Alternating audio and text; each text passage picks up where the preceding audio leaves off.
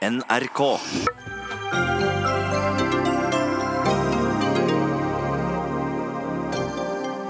Kritikken hagler mot forslaget til ny e-tjenestelov. Også de som skal kontrollere de hemmelige tjenestene, er skeptiske. Høyre utnevner seg til distriktsparti og mener Senterpartiet er mest opptatt av å klage. Gjett hva Trygve Slagsvold Vedum sier til det. Civitas borgerlig misjonering påvirket KrFs veivalg, mener Knut Arild Hareide, som møter Civitas leder til debatt. Og kjøp elbil, det er bra, sier alle som vil redde klimaet. Bare ikke tro at du får ladet den dersom du bor utenfor storbyene.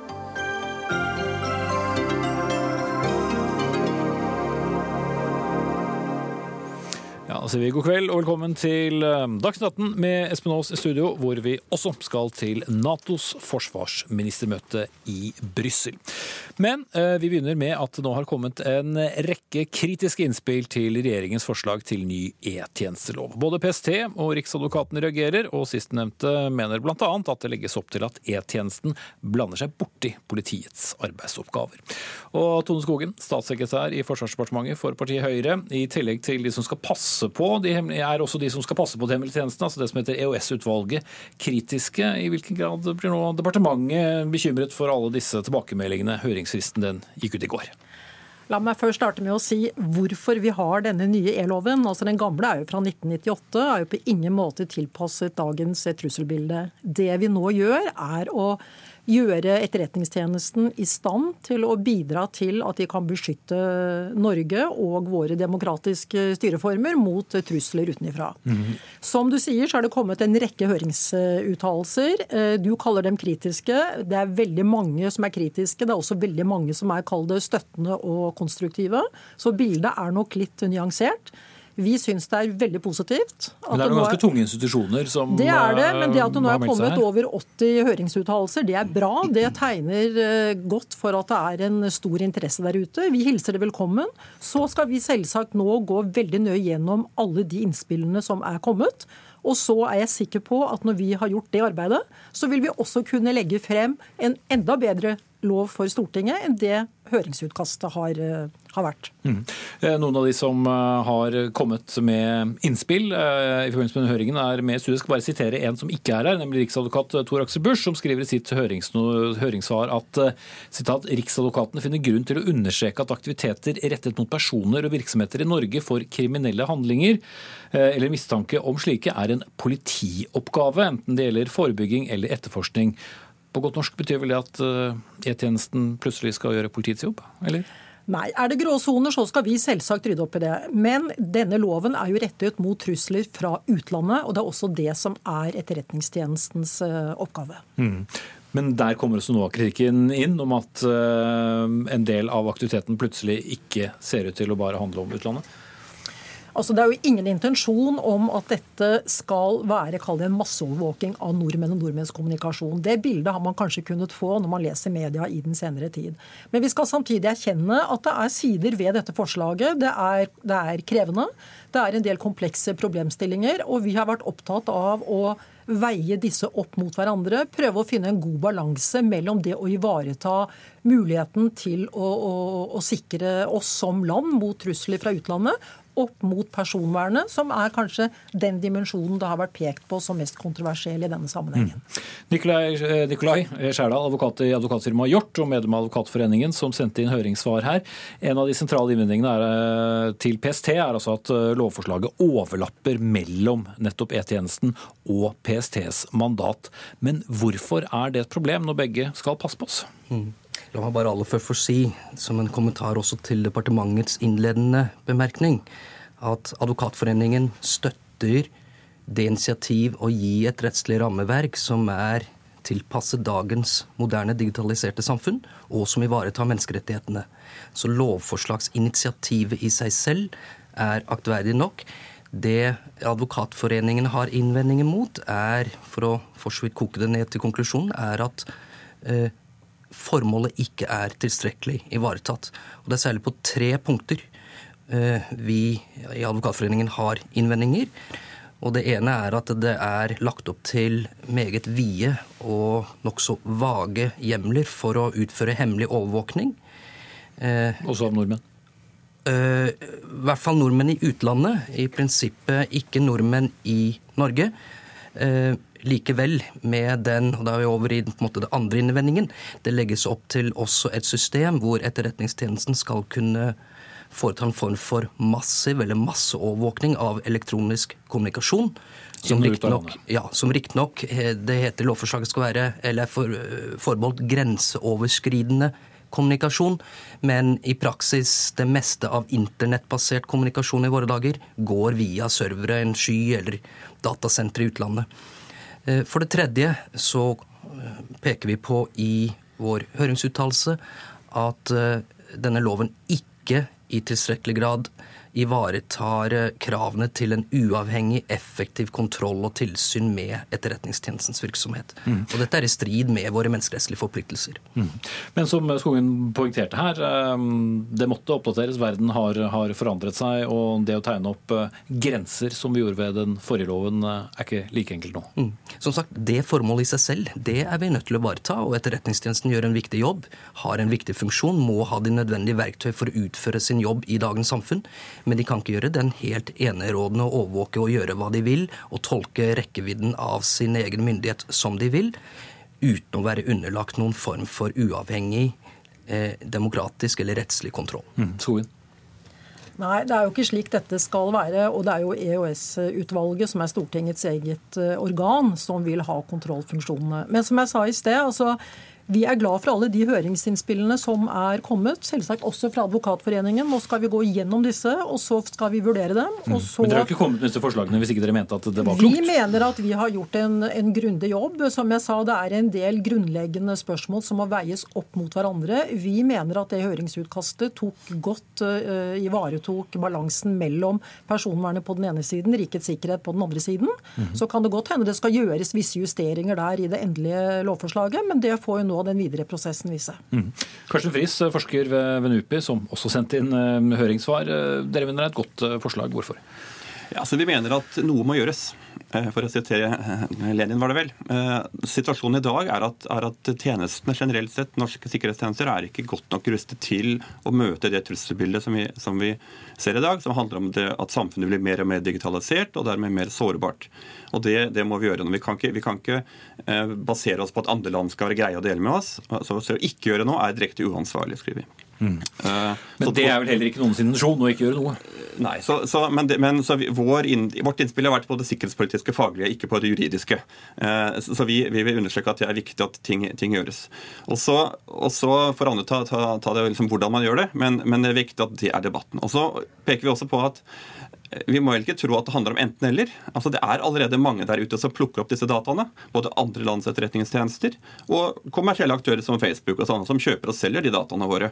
Så, så vi, Det handler ikke om enten-eller, men om, om, norske myndigheter eh, ved etterretningstjenesten denne gangen skal kunne også kunne gå inn på eh, og, og si, dette digitale, digitale rom og bidra til sikkerhet der. Mm. Og da må vi flytte noen grenser som vi har hatt tidligere?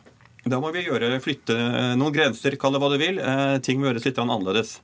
Eh, og så merker jeg meg, hvis jeg får lov til å kommentere litt på, på, på disse høringsinnspillene som kommer fra PST og sånn i dag, at, at det er nok en litt sånn eh, på godt norsk turf war. Litt sånn maktkamp mellom tjenestene her som dukker fram i disse høringsuttalelsene. Eh, og det da, det da det, Sånn jeg tolker det, eller lesingen min av, av, av denne høringsuttalelsen, egentlig er at dette opprettholder et skille mellom en utenlandsetterretningstjeneste og en innenlandsetterretningstjeneste i det globaliserte digitale verden, er veldig vanskelig. Mm. Men det er jo det alle land har. altså De har jo noen som tar seg av den innenriks, altså den indre, indre, sikkerheten, og så er det noen som mm, tar seg av det, det som er utenriks. Ja, det er noen land som har en militær og en sivil tjeneste. Og den sivile tjenesten tar seg av all sikkerhet som, ikke, som har ikke-militær art. Og da får man rydda opp eh, i hvem som har ansvar for hva, og hvem som, har, eh, hvem som skal eh, Altså lovverket rundt det, og, og ansvarsforhold. Og man får sannsynligvis mer sikkerhet for pengene. Så jeg vil mene at dette, det vi ser i dag, tyder på at vi bør vurdere og utrede også en slik modell i Norge. Mm. Gerald, men der ser dere da noen problemer? Vel, la meg si det sånn. Jeg, vi har en forståelse for PSTs innvending. Det er helt grunnleggende i en demokratisk rettsstat at man skiller mellom landets styrker, Forsvaret, herunder Etterretningstjenesten. E-tjenesten hører til Forsvaret, eh, som er utadrettet til fiender og trusler utenfra. Og så har vi den makt eller maktorden som skal sørge for ro innad i landet. Det er politiet, herunder Politiets sikkerhetstjeneste. Og når det gjelder dette med å overvåke elektronisk kommunikasjon som grenseoverskridende, så uh, forstår jeg det kommer til å, gå i stor grad i PSTs bed. Uh, det som har vært en av innvendingene fra Advokatforeningens side utover mangelen på en effektiv, uavhengig kontroll, det er at denne massive elektroniske overvåkningen som det legges opp til, den uh, er egentlig helt uten begrensninger den bør etter vårt syn i alle fall være begrenset til det som begrunner dette såkalte digitale forsvar, nemlig til å avverge, plukke opp eh, forberedelse, planlegging av såkalte cyberangrep, terrorhandlinger utenfra. Det som virkelig er PSTs oppgaver, eh, unnskyld, PC, Etterretningstjenestens oppgaver, og ikke ethvert mulig formål som E-tjeneste som måtte finnes som, som formålstjenlig. Mm. For litt av poenget er at disse dataene skal også lagres over ganske lang tid. Men hva er da beskjeden til folk? Så lenge ikke du eh, gjør noe galt, så har du ikke noe å frykte, som eh, regjeringer gjerne sier? Beskjeden er at vi trenger å oppdatere vårt verktøy, etterretningstjenestens verktøy, rett og slett for å beskytte oss mot trusler fra utlandet. Og vi har jo nylig også fått oppdaterte trusselbilder, både fra PST og ikke minst fra Etterretningstjenesten. Og jeg tror det er ganske tydelig å si at konklusjonen på de oppgraderingene er at truslene utenfra de de er økende.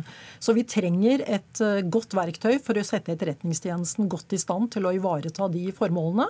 Og som sagt så skal vi nå se på alle de innspillene som er kommet, og hvordan de eh, kan hensyntas og bakes inn eh, for å gjøre det endelige lovforslaget enda bedre. Mm. Men ehm, det kan ligge an til at eh, hvordan vi ser på personvern i dag og i fremtiden eh, kan eh, være litt motstridende? Vi erkjenner at dette med personvern er et, er et krevende tema i denne, i denne, sammenhengen. Som sagt, Vi har forsøkt, og det er intensjonen at dette skal vi balansere godt ut. Og det er på ingen måte meningen og noe intensjon i at det her skal være snakk om noe masseovervåking av nordmenns kommunikasjon. Det er, det er ikke riktig. Her er i hvert fall uh, forskjellig språkbruk uh, ute og går. Uh, vi får se hvordan dere svarer på høringssvarene da. Takk til Tone Skogen, statssekretær i Forsvarsdepartementet for partiet Høyre. Nikolai Sjardal, medlem i Advokatforeningen, og Karsten Friis, forsker ved NUPI. Dagsnytt 18 alle hverdager kl 18.00 på NRK P2 og NRK2.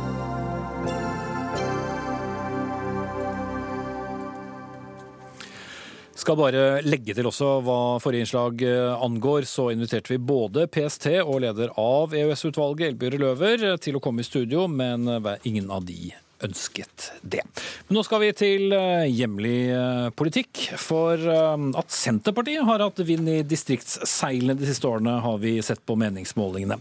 Men historiefortellingen til Trygve Slagsvold Vedum og hans partifeller om Distrikts-Norge, som Eller hvordan det har gått med Distrikts-Norge etter regjeringsskiftet, har falt regjeringspartiet Høyre tungt for brystet. Derfor gikk parlamentarisk leder Trond Helland hardt ut i talen til Høyres sentralstyre i helgen, og kritiserte både sentralisering sentraliseringspåstander og mer.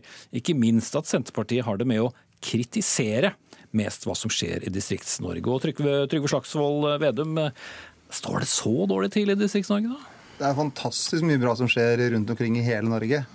Og det er jo det som har vært suksesshistorien vår. Så det har brukt politikken til å utvikle hele landet.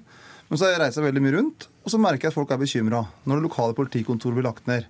Når jeg er i Salangen i Troms, at jeg er bekymra når man skal sentralisere ambulansen.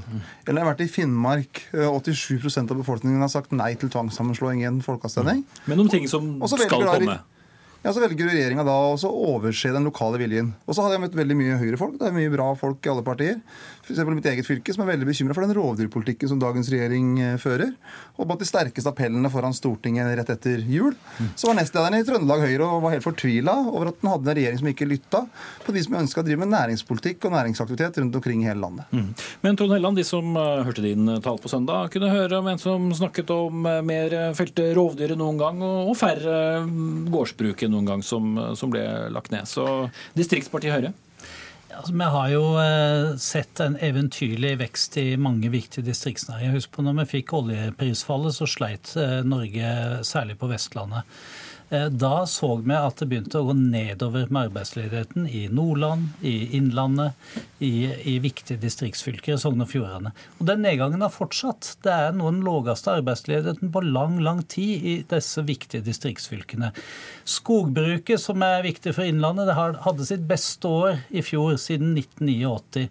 Fiskeeksporten og havbruket går så det suser. Det er, altså, vi snakker om 100 milliarder snart i eksport.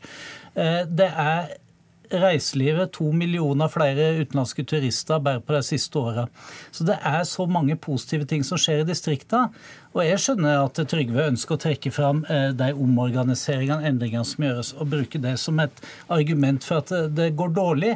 Men realiteten er at han er veldig opptatt av systemet, vi er opptatt av resultater. Og jeg tror folk som bor i Distrikts-Norge, de opplever at de har arbeid, de har tilgang på eh, flotte naturressurser. Må, vi, vi, må framsnakke det, og ikke snakke det ned. Fra den virkelighetsbeskrivelsen burde du egentlig gitt Helleland en klem her. Uh, takk så mye. Ja, Den rosemalinga som Helleland driver med altså Jeg sjøl er jo skogbruker og eksporterte tømmer til Sverige i fjor.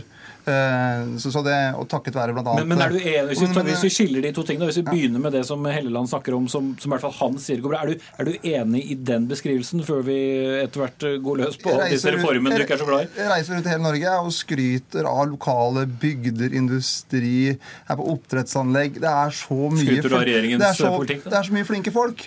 Og det er da det er så gærent at ikke regjeringa ser at skal vi klare å utvikle de næringene og de lokalsamfunnene framover, så trenger man å ha god politiberedskap også i Finnmarkskysten.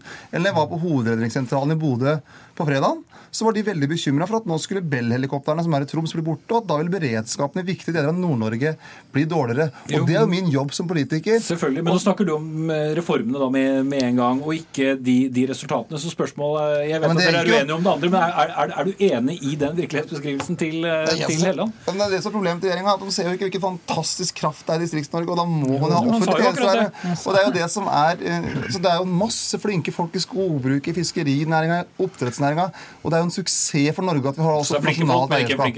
Nei, Jeg mener regjeringa fører en feil politikk. For det gjør at mange av de grunnleggende tjenestene mange steder rundt omkring i Norge blir mye dårligere. Og skal vi klare å ha ny næringsaktivitet, at folk vil bosette seg, så må man ha trygghet for mm. skole, for sykehjem. At man skal ha politi, politi sykehus, ambulanse. De grunnleggende tjenestene. Og der har Høyre hatt en veldig tro på at blir det stort, så blir det bra. Men avstandene blir for store, og folk sier jo mm. nei til det, for de ønsker nærhet. F.eks. sånn som i Finnmark, som jeg skal nå på fredag, så har folk vært helt krystallklare på at den kursen som regjeringa legger opp til, det det er en feil kurs. Men okay. Helleland er veldig fornøyd med den, men det er folk som bor i områdene, er ikke fornøyd med Men nå bekreftet han talen din fra søndag? Altså, Han, eh, han eh, innrømmer jo at eh, ting går til dels har aldri sagt noe. Det er jo sånn dere, Jeg lager sånne premisser som er bare passer inn hans egen virkelighet. Og En av de tingene han ikke har snakka om, som jo er kanskje aller viktigste distriktspolitiske virkemidlet vi har, det er jo samferdselsutbygging. Og Denne regjeringen har altså økt samferdselsbevilgningene med 75% Vi har vedtatt en NTP som jeg tror Senterpartiet er glad for. Eh, Nasjonal transportplan, ikke ja, Nasjonal transportplan, unnskyld. På over 1000 eh, milliarder kroner. Der ser vi jo at noen av de partiene som Trygve ønsker å gå i kompaniskap med Helland, ønsker det vel egentlig ikke, men det kan bli nødvendig for han. De har jo kutt, ja, SV f.eks. kutta 98 milliarder i veibevilgninger i NTP. Så jeg skjønner ikke helt hva Trygve vil. fordi at på den ene sida så banker han og slår på oss og sier at ting er fryktelig, og så har han altså sånne alliansepartnere som en skal gå i, i, til sengs med, som, som, vil egentlig rive ned den distriktspolitikken som er bygd opp over tiår. Men han har vel også et poeng distrikta. i at eh, de ikke går i tog i Finnmark og jubler over regionreformen? Eller denne nærpolitireformen ja, ja. som selv mange i regjeringen kanskje ikke liker navnet på lenger? Ikke nei, og Det sa jeg også i mitt innlegg, at eh, politireformen er vi ikke i land med. Det er utfordringer der. Det må vi ta tak i. Samtidig så er det aller viktigste grepet også når det gjelder politireformen, det er jo å sørge for at vi kan ta tak i ny kriminalitet. Da snakker vi om cybercrime, vi snakker om overgrep mot barn på nettet, de tinga der. Men er helt enig i at vi må ha et politi som er der folk bor, som driver forebyggende arbeid, som sørger for at eh, folk får eh, respons når de ringer. Og Der har vi litt å gå på, men det jobber vi med. og Det har vi også sagt at politireformen skal gjennomføres, men da i 2020 skal ting være på plass. Hvis det ikke er ordentlig da, så er det klart da må vi se på dette. Og da er det ett år igjen til stortingsvalg? Ja, og det som, For å ta politireformen, så er det siste temaet som nå blir løfta opp, så har det vært en bred undersøkelse nå i politiet, der nesten 5000 politifolk svarte. Og 80% svarte at beredskapen enda blitt dårligere, eller i hvert fall ikke bedre enn før politireformen. Og de sa det samme når det gjelder forebyggende arbeid. Og Konklusjonen til de forskerne som lagde rapporten, var at den ikke burde helt en nærpolitireform, men en fjernpolitireform. Den retorikken brukte de. Og det er jo nettopp den virkeligheten vi opplever rundt omkring i Norge. At eh, orda til regjeringa er litt sånn nytale, sånn Orwells nytale. Det her er nærpoliti, men så opplever at det blir dårligere tjenester. Man snakker også når det gjelder eh, samferdsel, så man kutta typiske bredbånd. Man har økt pendler, eh, ut, utgiftene for pendlere. Man har økt skatten for sjøfolk. Jo, jo, og, og så vil Helleland nå i løpet av siste minuttet svare at de har gjort det bra på, på, på noen områder områder. Men bare for å være litt konstruktive, da. Altså, hva, er det noe du ville gitt dem eh, skryt for og å ha gjort i løpet av de siste fem årene? Ja, selvfølgelig så skjer det jo bra ting i et land som Norge. Det skulle ikke bare mangle at en regjering gjør bra ting, men hovedkursen er feil. Der man tror at alt blir bedre bare det blir større. For noe av det beste i Norge er forklart av tjenestene nært der folk bor. Og det er der Senterpartiet og Høyre møtes gang etter gang til kollisjon. Og så er det det som er så grunnleggende feil, at det har økt avgiftene folk på folk flest. Bl.a. på strøm har avgiftene økt med rundt 36 Hadde vi hatt mer tid, så kunne du uh, slengt inn at du får uh, skattefritak for, for bompengene. Si, avgifter blir større er ikke bra. By og land, hele land. I hvert fall takk til Trond Helleland og Trygve Slagsvold Vedum fra henholdsvis Høyre og Senterpartiet.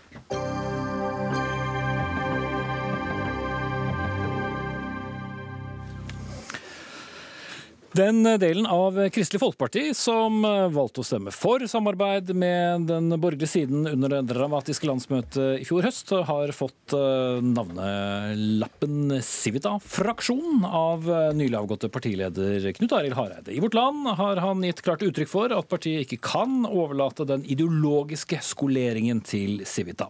Hans opplevelse er at tankesmien som selv omtaler seg som liberal, har styrket den borgerlige identiteten i KrF, og dermed hadde en betydning for veivalget. Så jeg vet ikke, Kristin Clemet, leder i, Civita, tommel opp?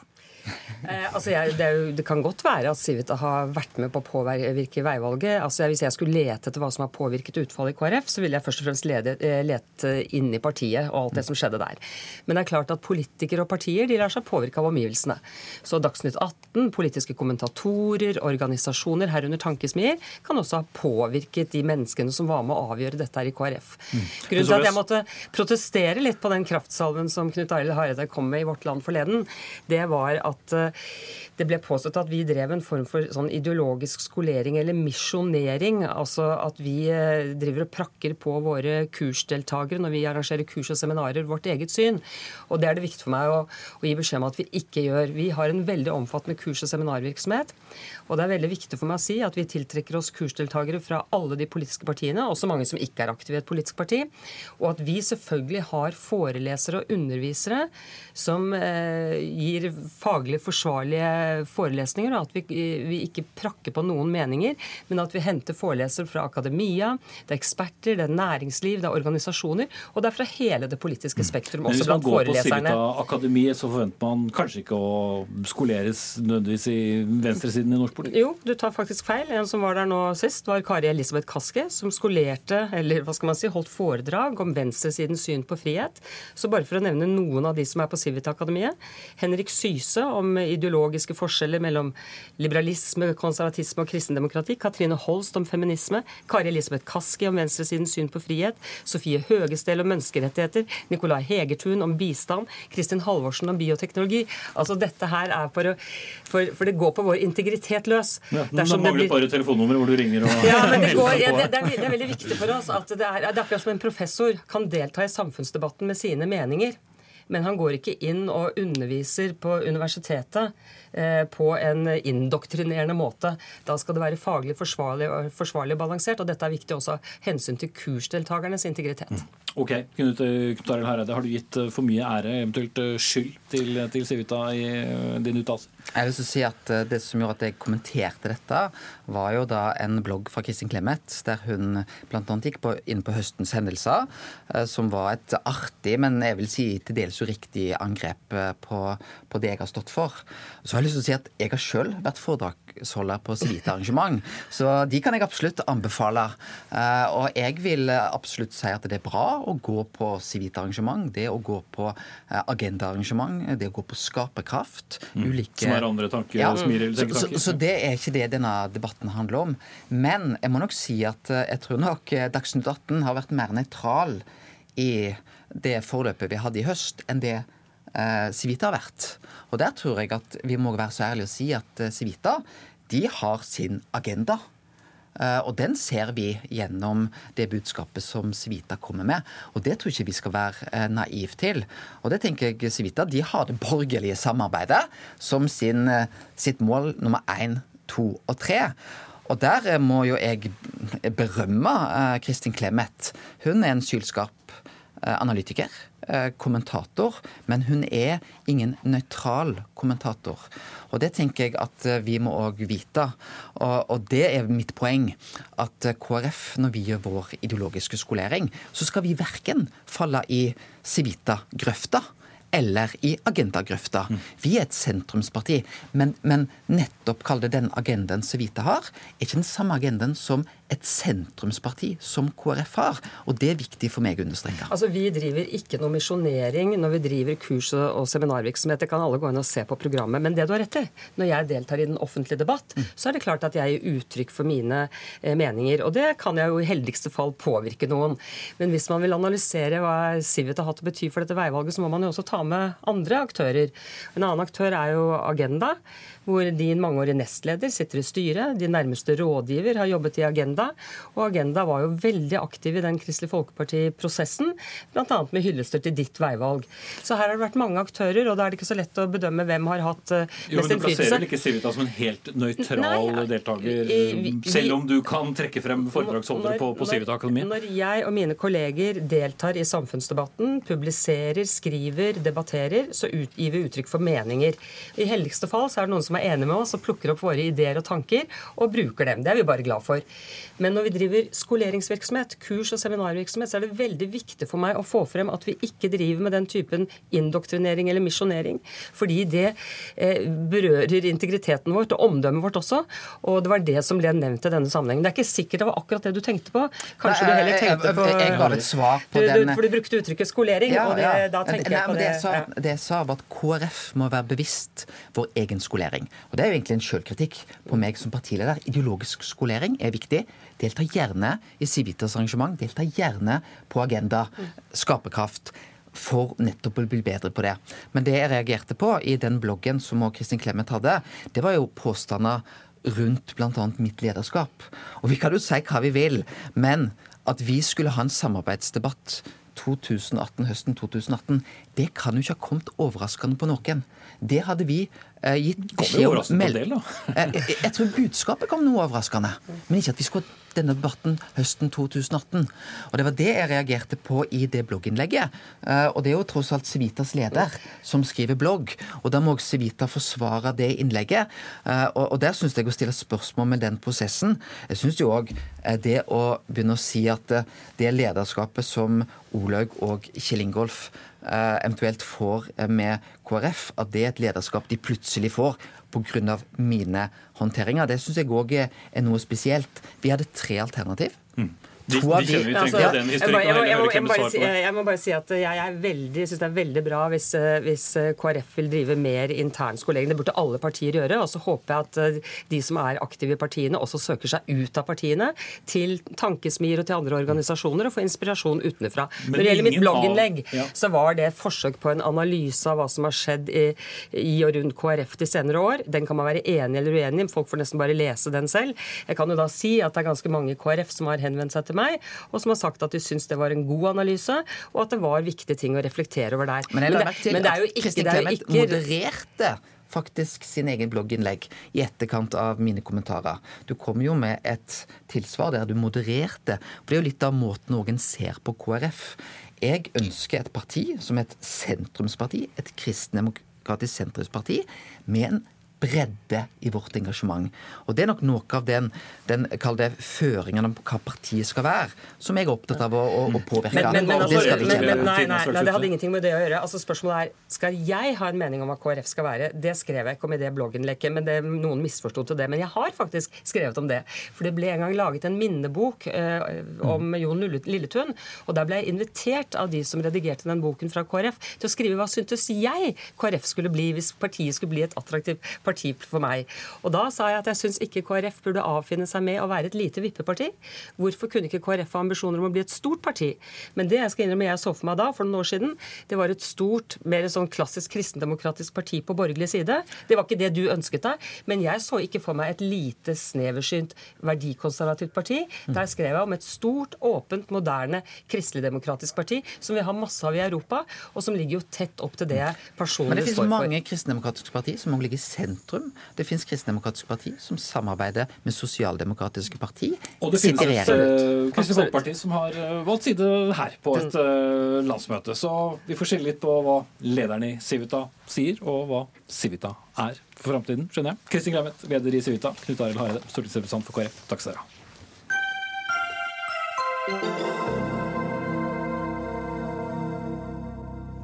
For eh, nå skal vi eh, vende blikket mot eh, Brussel, hvor Natos forsvarsministre er samlet. Og viktig tema er nedrustningsavtalen INF, som både USA og Russland nylig trakk seg fra. Og Philip Lote, vår korrespondent i Brussel, hvor stor hodepine er denne saken for Nato-landene?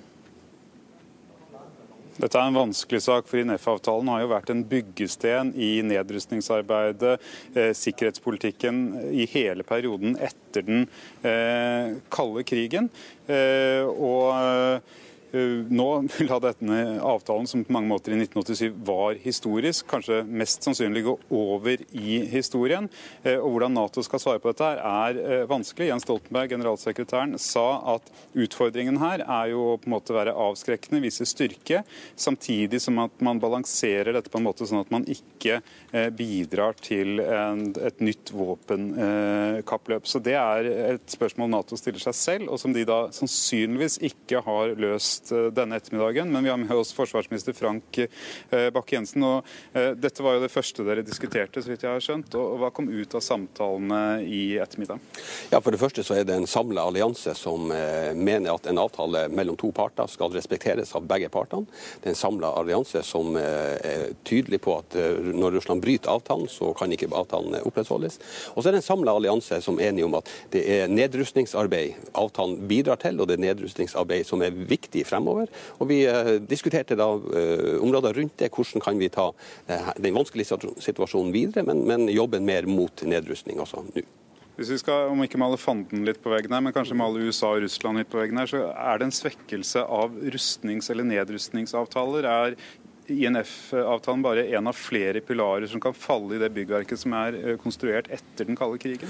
Ja, altså Det er et større alvor over sikkerhetssituasjonen i, i, i verden. Dette er også problematisk all den tid at vi har flere eh, stormakter som er inne i bildet her. Men samtidig så er det en, en tydelig allianse som sier at nedrustningsarbeid det må vi fortsette å jobbe med. Det er, det er veien mot større stabilitet og, og, og en fredeligere verden. Derfor er, er reaksjonen på brudd på denne avtalen så, så allment i alliansen. og Derfor er man også enige om å gå samla videre for å jobbe for å forbedre situasjonen i forhold til hva den er nå. Og Patrick eh, Shannon, som er da den fungerende nye eh, amerikanske forsvarsministeren, han fikk på mange måter sin eh, debut i Europa eh, her i dag. Eh, hvordan ser han for seg Natos rolle i arbeidet som nå må skje etter at INF-avtalen mest eh, sannsynlig forsvinner? Ja, altså Selv om det INF-avtalen er mellom Russland og USA, så er USA tydelig på at de vil ha Nato med seg i dette arbeidet. Det er viktig at vi står eh, samla. Eh, USA ser også for seg at dette er et eh, nedrustningsarbeid som, eh, som vakler litt nå. Eh, vi skal samla jobbe fremover for oss å, for å stabilisere situasjonen, men også eh, se, ha eh, nedrustning som mål i arbeidet fremover, selv om det ser vanskeligere ut nå. Og så er det eh, en diskusjon, og Tysklands forsvarsminister sa at hun ikke ville utelukke noen ting da hun ble spurt om det kunne være aktuelt å utplassere eh, atomraketter i Europa, nye atomraketter i Europa. Eh, Jens Stoltenberg har sagt at han ikke ser at dette er et riktig svar, at man må finne en annen måte å svare russerne på. Hva tenker du om det? Ja, altså, vi er tydelige på at dette er ikke noe kjernevåpenkappløp. Dette er altså et, et vanskelig arbeid i forhold til avtaler som har regulert nedrustning. Vi vil fortsette langs den linja i et litt mer komplisert verdensbilde som vi har nå. Og Norge her, naboland med Russland. Mm. Eh, Nato vektlegger at de skal fortsette å snakke med russerne. Skal Norge ta en rolle her? Ja, altså Alle land eh, må bruke sitt forhold til Russland i dette arbeidet. Vi har sagt at vi, har, vi samarbeider med Russland på mange andre områder. Kan det være nyttig i dette arbeidet, så, så, eh, så bruker vi gjerne eh, de områdene og vår kjennskap til Russland. Dette her eh, er også alle landene samstemt om at de erfaringene og de arenaene der vi eh, samarbeider med Russland, kan bli viktig i arbeidet fremover. Og så er det avtalen nå på oppsigelse. altså er, eh, Den går ut om seks måneder. USA har stilt krav til Russland om at de må bevise at de opprettholder kravene i avtalen innen seks måneder. Ellers så, så, så går da effektivt begge land ut av den. Mm. Eh, hvis du skal være helt realistisk, er INF-avtalen død, eller tror du at den fremdeles kan reddes? Altså, vi er nå i alle fall eh, ennå inne i det som er et avtalt eh, oppsigelsesregelverk av avtalen. Så får vi bruke de månedene som kommer nå på, på beste vis, og se hvor langt vi, eh, vi kommer. Men realismen fra dette møtet er sånn, hos de fleste at denne avtalen går over i historien. Og den vil også bli gjenstand for debatt på fredag. Da skal Jens Stoltenberg møte Russlands utenriksminister eh, Lavrov. Takk skal du ha, Philip Lote, som følger dette forsvarsministermøtet i Brussel for oss. Og Målfrid Braut Hegammer, førsteamanuensis eh, i statsvitenskap ved Universitetet i Oslo. Dette er et område du har forsket mye på. Eh, nå i dag sitter forsvars- og utenrikskomiteen på Stortinget for å diskutere Norges forhold til FNs atomvåpenavtale. Kan eller bør Norge gjøre nå etter det som eh, har skjedd mellom Russland og USA? Nei, altså For å fokusere på det som nå skjer mellom USA og Russland og INF-avtalen, så som forsvarsministeren sa, så er det en god del Norge og andre Nato-land kan gjøre og bør gjøre de neste seks månedene. INF-avtalen befinner seg jo i en terminalfase. Eh, og Det betyr at Norge og andre land bør forsøke å finne ut av hvordan man skal lage en mest mulig stabil overgang til en ny sikkerhetsarkitektur. Fordi det er jo en hovedpilar i det sikkerhetspolitiske bildet som nå forsvinner. Og det skaper et farligere nabolag for Norge. Så jeg vil tro at det, det sikkerhetspolitiske bildet her vil gi ganske klare føringer for det Norge vil gjøre eh, i tida framover. Mm.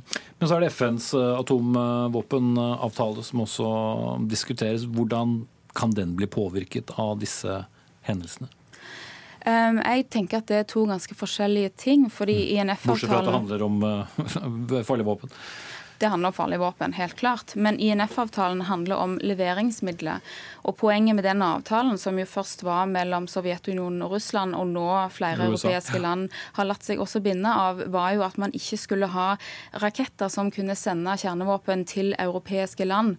Eh, på 1980-tallet var man jo i ferd med å gå inn i et atomvåpenkappløp som var veldig farlig. Så den avtalen handler om det, og ikke egentlig om atomvåpen per se. Det er jo nye startavtalen som på en måte neste i rekken for å eventuelt forlenges eller ikke forlenges, som gjør. Så Forbudstraktaten den handler jo om å gjøre atomvåpen forbudt eh, og ha en stigmatiserende effekt.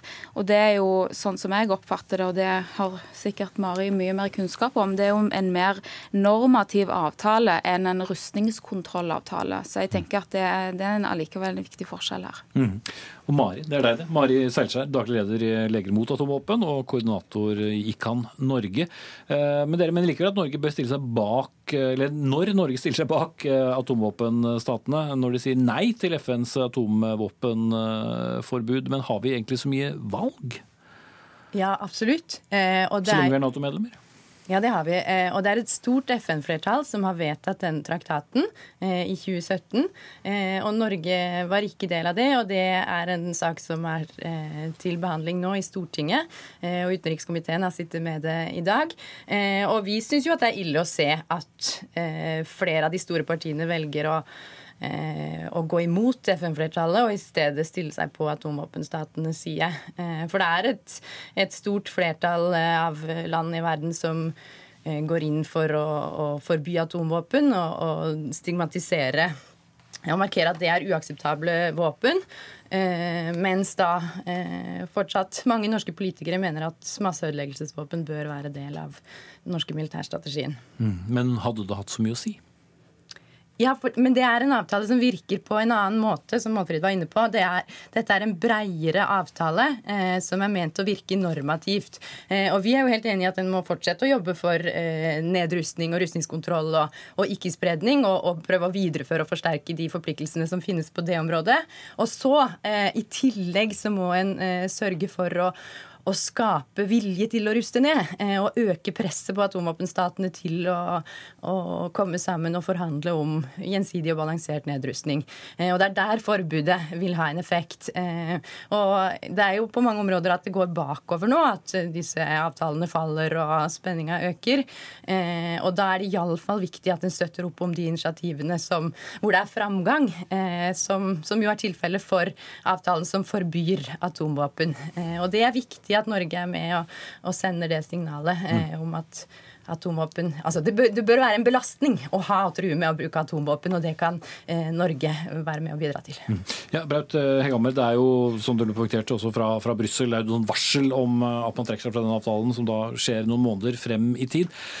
Men de som frykter at dette får ganske stor innvirkning da på, på maktforholdet og muligheten til opprustning, de, de tar vel ikke feil nødvendigvis? Altså Det som jeg tenker er, er, viktig å ha med seg her, er jo at eh, vi lever i en tid av opprustning, eh, ikke av nedrustning. Sånn at det som skjer, er at atomvåpenstater Russland, USA osv., India, Pakistan, de utvikler flere typer atomvåpen og øker antall atomvåpen også. Så her er det mye å bekymre seg for. Men det å lage et forbud som bare har medlemmer som aldri uansett har tenkt å skaffe seg kjernevåpen, jeg tror ikke det har en veldig direkte effekt på valgene til atomvåpenstater. Og Det er derfor jeg mener det er viktig å fokusere på INF-avtalen og det arbeidet som skjer i Nato nå. fordi det Stoltenberg sa eh, forleden, var jo at de ønsker å forhindre et atomvåpenkappløp eller et rustningskappløp. Eh, de ønsker ikke å utvikle nye eh, system med atomvåpen som er basert i Europa etter at denne avtalen eventuelt går ut.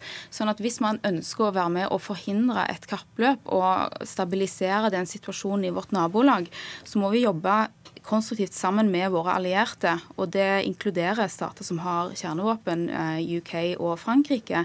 Eh, jeg tror at det er mer konstruktivt å gå fram på den måten enn å komme mer og, og jobbe kun med det normative. Jeg tror ikke man kommer veldig langt med det når det gjelder antall kjernevåpen i verden, dessverre. Mm.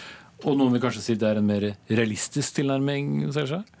Ja, men det er ingen motsetning. Eh, og de, det er jo ganske tydelig også at de virkemidlene og, og, instrumentene som finnes, de er ikke tilstrekkelige, og de må suppleres. Eh, og jeg er helt enig i at det er viktig å videreføre eh, det arbeid som gjøres f.eks.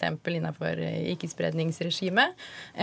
Og der er jo også folkeretten og de normative viktige instrumenter, og det har en sett med forbud av andre våpentyper som er inhumane, og som særlig rammer sivile. Og der har jo til og med Norge gått i front for flere eh, av de forbudene. Eh, og Norge støtter forbud mot kjemiske våpen og biologiske våpen. Og mm. Men det er ikke noe med rekkefølgen nå også? at nå, nå, har jo eh, det at USA trakk seg fra, fra INF-avtalen kommet opp som en, en, ny sak, og som for så vidt lå litt i kjømda. Da, men sånn at det, det er det, denne først og fremst Nato-land, herunder Norge, må forholde seg til. Og så jeg mener at det også viser at det haster å, å, frata atomvåpen den politiske statusen de har i dag. Eh, at det er jo fortsatt sånn at atomvåpen anses som et eh, tegn på makt og prestisje. Eh, og der har vi en viktig jobb i å endre det, og der vil forbudet også være viktig. Og så er jeg fullstendig enig i at ikke det er det eneste en skal gjøre, og at det er veldig bra at en eh, bestreber seg på å få på plass eh, nye nedrustningsforpliktelser. Mm. Braut Hegammer. Jeg er helt enig i at atomvåpen ser ut til å få en stadig mer fremtredende og viktig rolle i internasjonal politikk. og Det er bekymrende, og som, som vi har vært inne på, kan det også ha en rekke destabiliserende konsekvenser for Europa og Norge. Så her er vi nødt til å jobbe med det vi har på, på mange fronter, og både være realistiske og se fremover for å, for å skape en mer stabil overgang til en verden uten en INF-avtale. Mm. Men så er det jo til sjuende og sist det er jo en liten sånn ordkrig om hvem som vet hva om hva russerne russerne faktisk eh, sitter med av raketter, og hvorvidt det er eh, atom der. Altså, trenger vi noen verifisering, eller tar vi noe alle for gitt at det er det russerne sitter med? Altså, Reagan sa jo under den kalde krigen 'trust but verify'. og der, eh, Det var visst også et russisk ordtak i utgangspunktet. Vi må verifisere. fordi hvis ikke, så altså, Vi kan ikke ta alles ord bare for, eh, for, for, det er jo det russerne sier. at ja, men hør nå her, Dere sier at vi har noe som vi sier vi ikke har. Ja, men disse, dette har jo amerikanerne snakka om i mange år. De har lagt fram bevis i, til Nato-medlemsland. Hele alliansen står samla bak dette. Så dette her må være ganske håndfast. Og vi ser jo også bare de seneste dagene at russerne annonserer en hel rekke nye systemer og utplasserer nye raketter eh, på nær Europa. Sånn at dette her, er, dette her er ganske håndfast og målbart, vil jeg si. Mm. All grunn til å være redd for uh, hva som skjer videre, Serge? Ja, vi har en stor jobb å gjøre. Eh, og i første omgang så, så får vi jo håpe at eh, det blir en grundig diskusjon om disse temaene i ukene som kommer, før Stortinget skal behandle denne saken. Eh, og vi mener det er viktig å ta inn over seg de perspektivene som handler om at atomvåpen utgjør en enorm sikkerhetsrisiko, og at enhver bruk av atomvåpen vil ha katastrofale konsekvenser for, for mennesker og miljø. Mm. Takk skal du ha, Mari Seilskjær, daglig leder i Leger mot atomvåpen og koordinator for ICAN Norge, og Målfrid Braut Hegghammer for i statsvitenskap ved Universitetet i Oslo.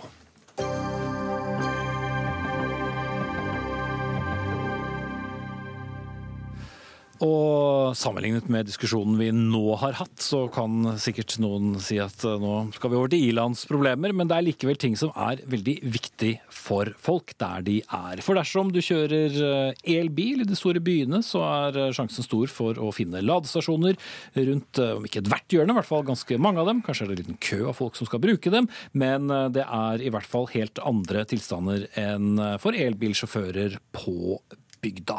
For f.eks. i Finnmark fylke finnes det så vidt vet kun én ladestasjon. Og Ole Gudbrand Hempel, leder for offentlig ladestruktur, Fortum Charge and Drive.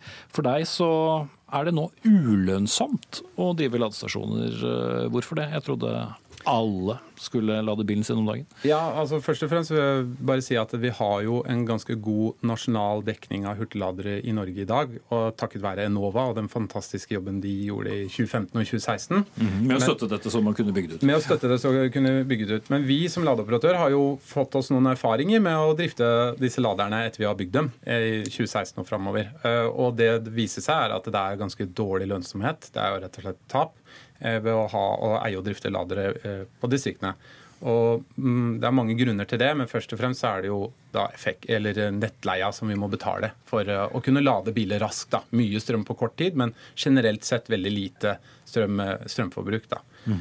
Og På kronikkplass i gårsdagens Dagblad så skrev du at denne forskjellen mellom by og bygd kan da rett og slett føre til en ladekrise. Hva ligger i dette nye ordet? Det som ligger i det, er eh, flere ting. Men først og fremst at det, er, eh, det har vist at vi i bransjen har eh, fått erfaring med at å investere i, altså på bygda, i distriktene, ikke er lønnsomt.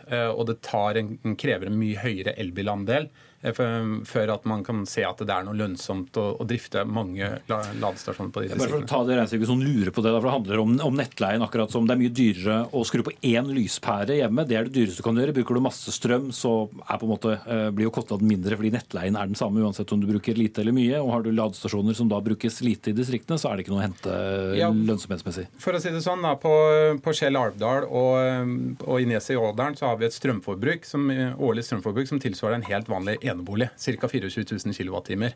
Men vi, i tillegg til det vanlige nettleie, så har vi da ca. 5000 kroner i, i, måneden i faste kostnader i noe som heter effekttariffer. Fordi at vi tar ut ganske mye strøm på kort tid, eh, men totalt antall strømmengde er veldig lite. Så vi sitter med denne store, tunge faste kostnaden hver måned, og det er jo det som drar ned lønnsomheten på, på, driften her i stor grad. Da. Mm. Sveinung Rotevatn, statssekretær i Klima- og miljøverndepartementet. Er det bare å hente frem eh, bensinbilen igjen? Nei, det er det definitivt ikke, og det er det lite som tyder på at folk gjør heller. Tvert imot så når elbilsalget stadig nye rekorder.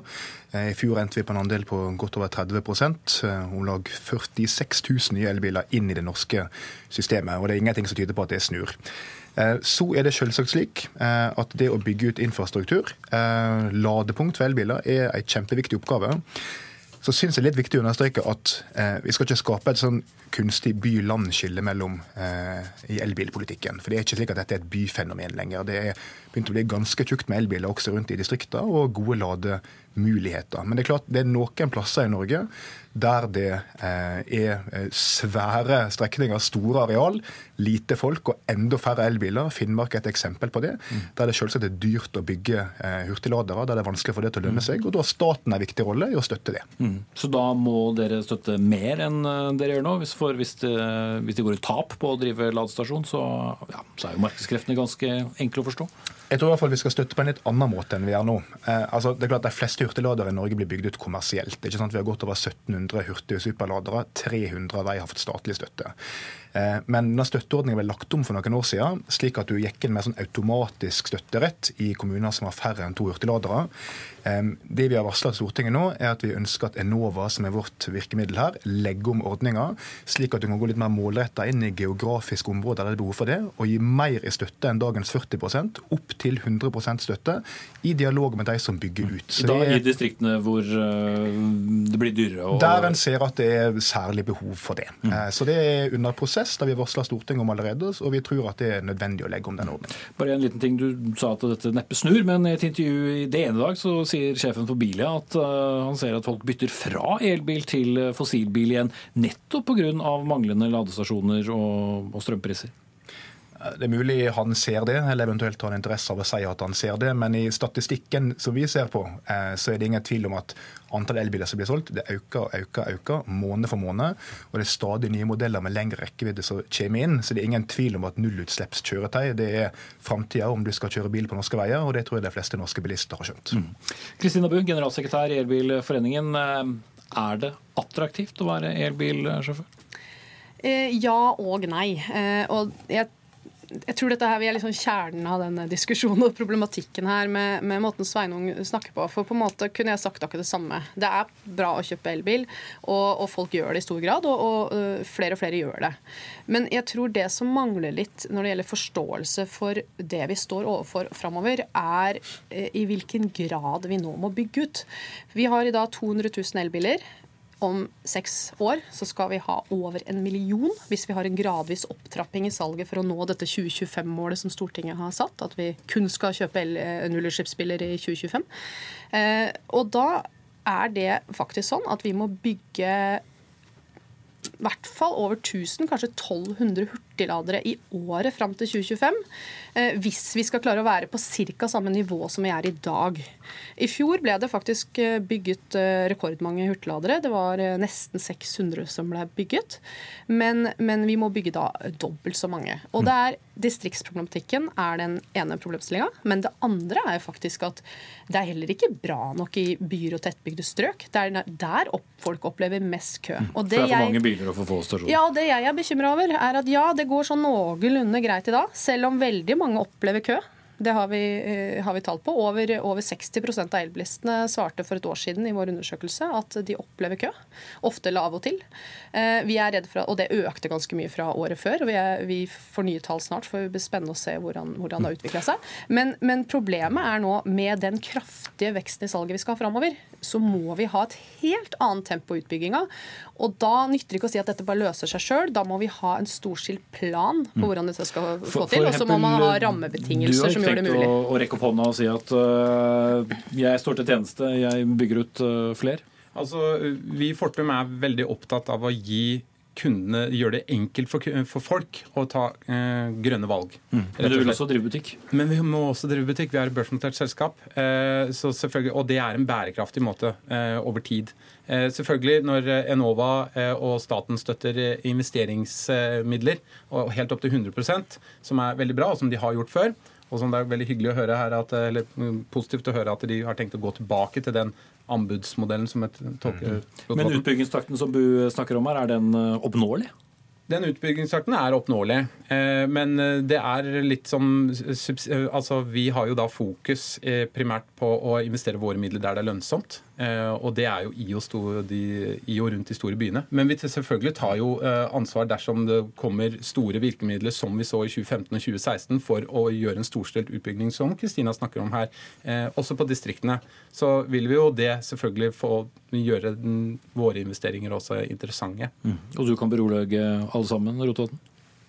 ja, det, det må gjerne la seg berolige. Altså, jeg, jeg, jeg, er helt med på problemstillinga. Det, det, er klart det. at Når det kommer så mye elbiler inn i det norske markedet, så er det ingen tvil om at det er behov for eh, å bygge ut mer infrastruktur. Og det at folk opplever å stå i ladekø, er, er ikke noe, noe bra. Um, men um, når vi skal fase inn så mye elbiler som vi nå skal, uh, og det, det kommer og kommer på løpende bånd, så det er klart det vil være kommersielt lønnsomt å bygge ut hurtigladere en rekke plasser i dette landet, både i de mest sentrale strøkene og i andre strøk.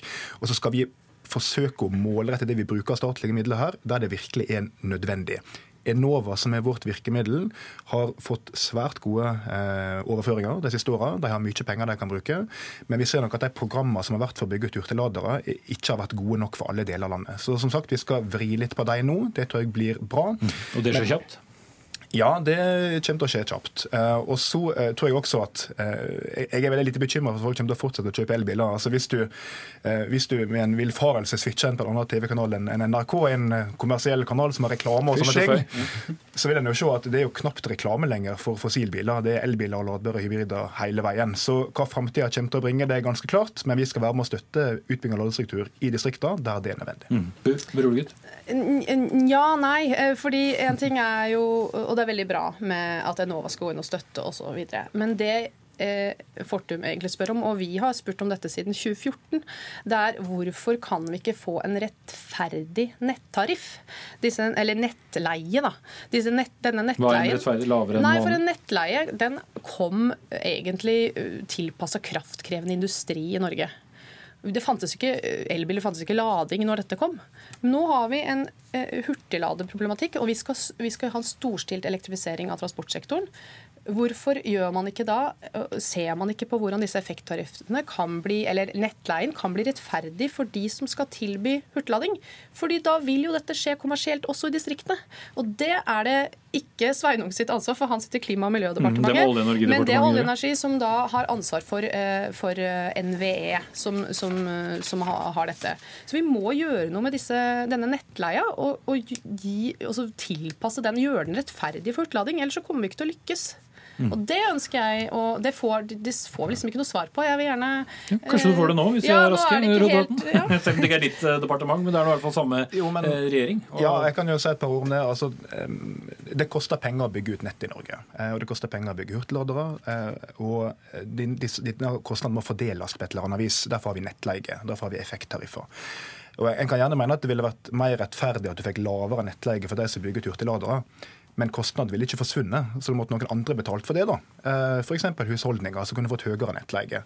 Så det er ikke gitt at alle er enige om hva som er rettferdig her.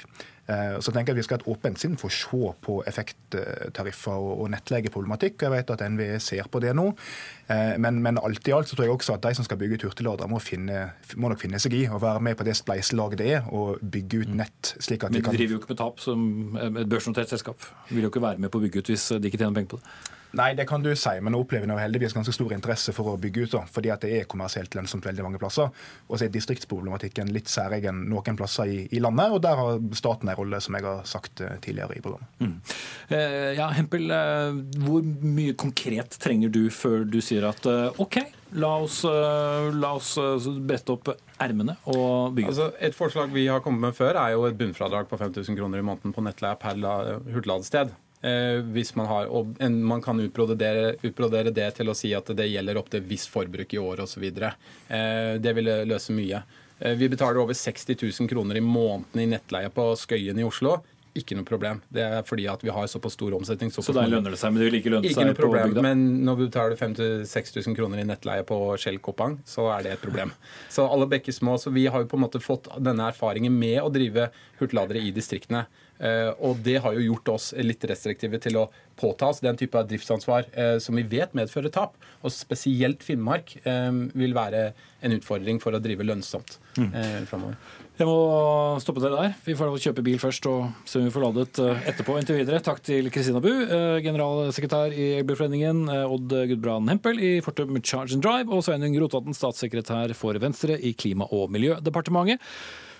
Ansvarlig for sendingen det var Fredrik Lauritzen, teknisk ansvarlig Stein Nybakk. Jeg heter Espen Aas. I morgen er Sverre Tom Radøy tilbake med Dagsnytt 18.